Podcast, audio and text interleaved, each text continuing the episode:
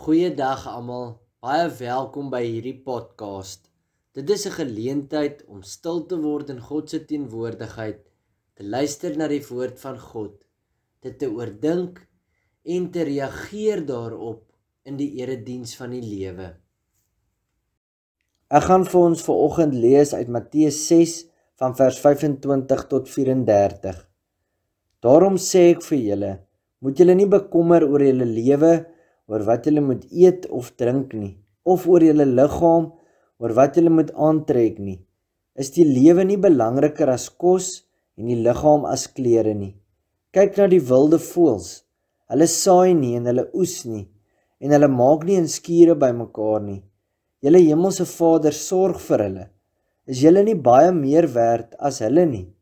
Trouens wie van julle kan deur om te bekommer sy lewe met een enkele uur verleng. En wat bekommer julle julle oor klere? Let op hoe groei die veldlelies. Hulle swoeg nie en hulle maak nie klere nie.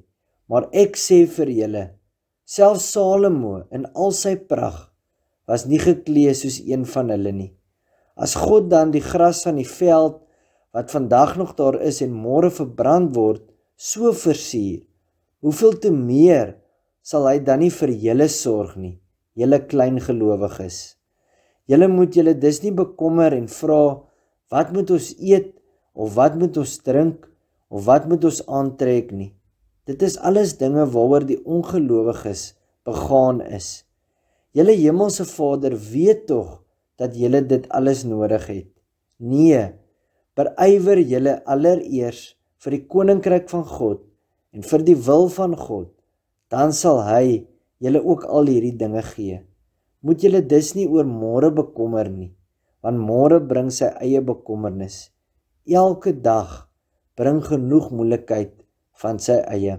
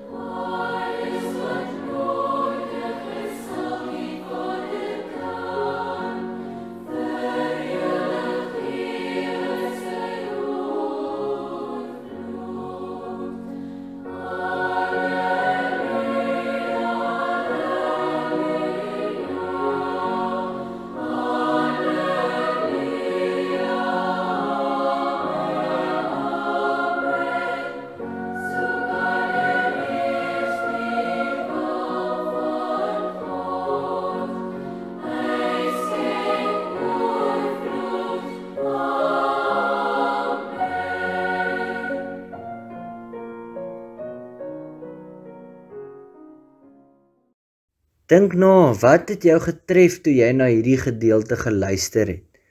Wat het vir jou uitgestaan? Wat het jy gehoor by die Here? Is daar 'n uitnodiging wat dalk na jou toe kom?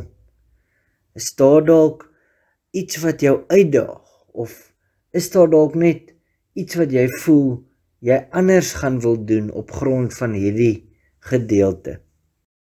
Die gedeelte wat ek vir ons ver oggend gelees het, maak deel van Jesus se bergrede in die Matteus Evangelie. En hierin leer Jesus vir ons. Hy help ons om te weet hoe moet ons as sy volgelinge leef in hierdie wêreld. Wat moet vir ons belangrik wees? Waarop moet ons fokus? En ons moet erns maak hiermee. Vanoggend se gedeelte is ook deel van 'n breër gedeelte wat al in vers 19 begin. En dit gaan oor die ware skat in 'n mens se lewens. Ons word uitgenooi om om vir ons skatte in die hemel bymekaar te maak, nie op aarde nie.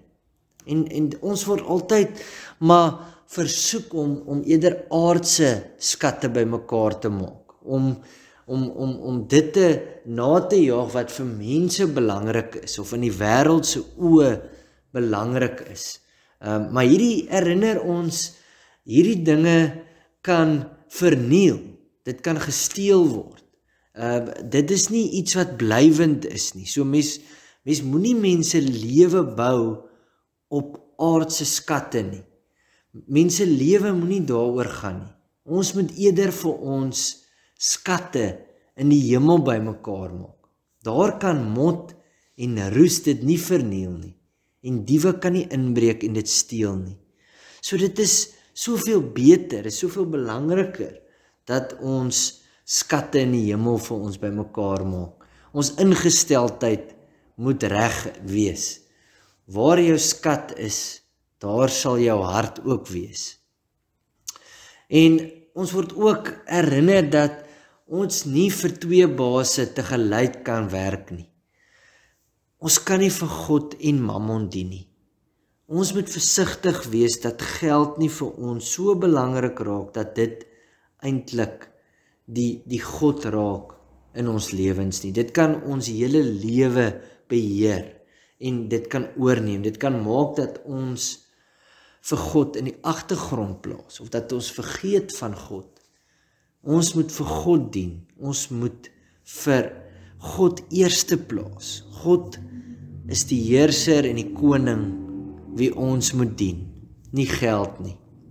Ons kan ook nie albei gelyk probeer dien nie. Ons moet kies. Die keuse wat ons moet maak is om God te dien en om te leef tot eer en verheerliking van God. Ons moet streef om gehoorsaam te wees teenoor God. En dan in vanoggend se gedeelte dan dan word daar eintlik die praktiese implikasies gegee van van vers 19 tot 24 en en daar word gepraat oor die sorges van die lewe. En dit is so, daar's daar's dinge wat ons bekommerd maak. Ons is in 'n baie onsekere tyd. Ons weet nie wat voor lê nie. Ons ons voel maar baie magteloos. En ons is maar baie ons is maar bekommerd met tye. Maar hierdie gedeelte herinner ons dat ons vir God moet vertrou. Ons moet vertrou dat God weet wat ons nodig het. Ons ons moet ons moet vertrou dat God ons raak sien. Ons moet weet God is daar vir ons. God is lief vir ons. God gee om. God sorg vir ons. Ons kan ons so bekommerd oor bekommer oor aardse dinge en en en omdat ons onseker is, kan dit erg raak. En dan kan ons vergeet van God. Dan kan ons vergeet om na God toe te gaan om om om om om om te weet dat God is daar vir ons. In hierdie gedeelte sê vir ons kyk na die wilde voëls. Hulle saai nie en hulle oes nie en hulle maak nie in skure bymekaar nie. Maar hulle hulle dit is die hemelse Vader wat vir hulle sorg.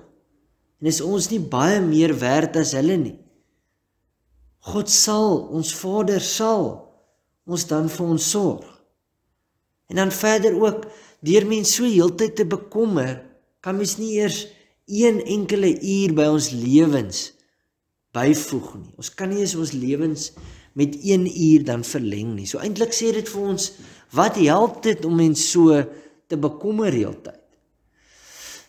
En as mens dan ver dan word daar ook gesê ons kan kyk na die veldlelies. Hulle soeg nie en hulle maak nie klere nie. Maar self Salomo in al sy pragt was nie geklee soos een van hulle nie.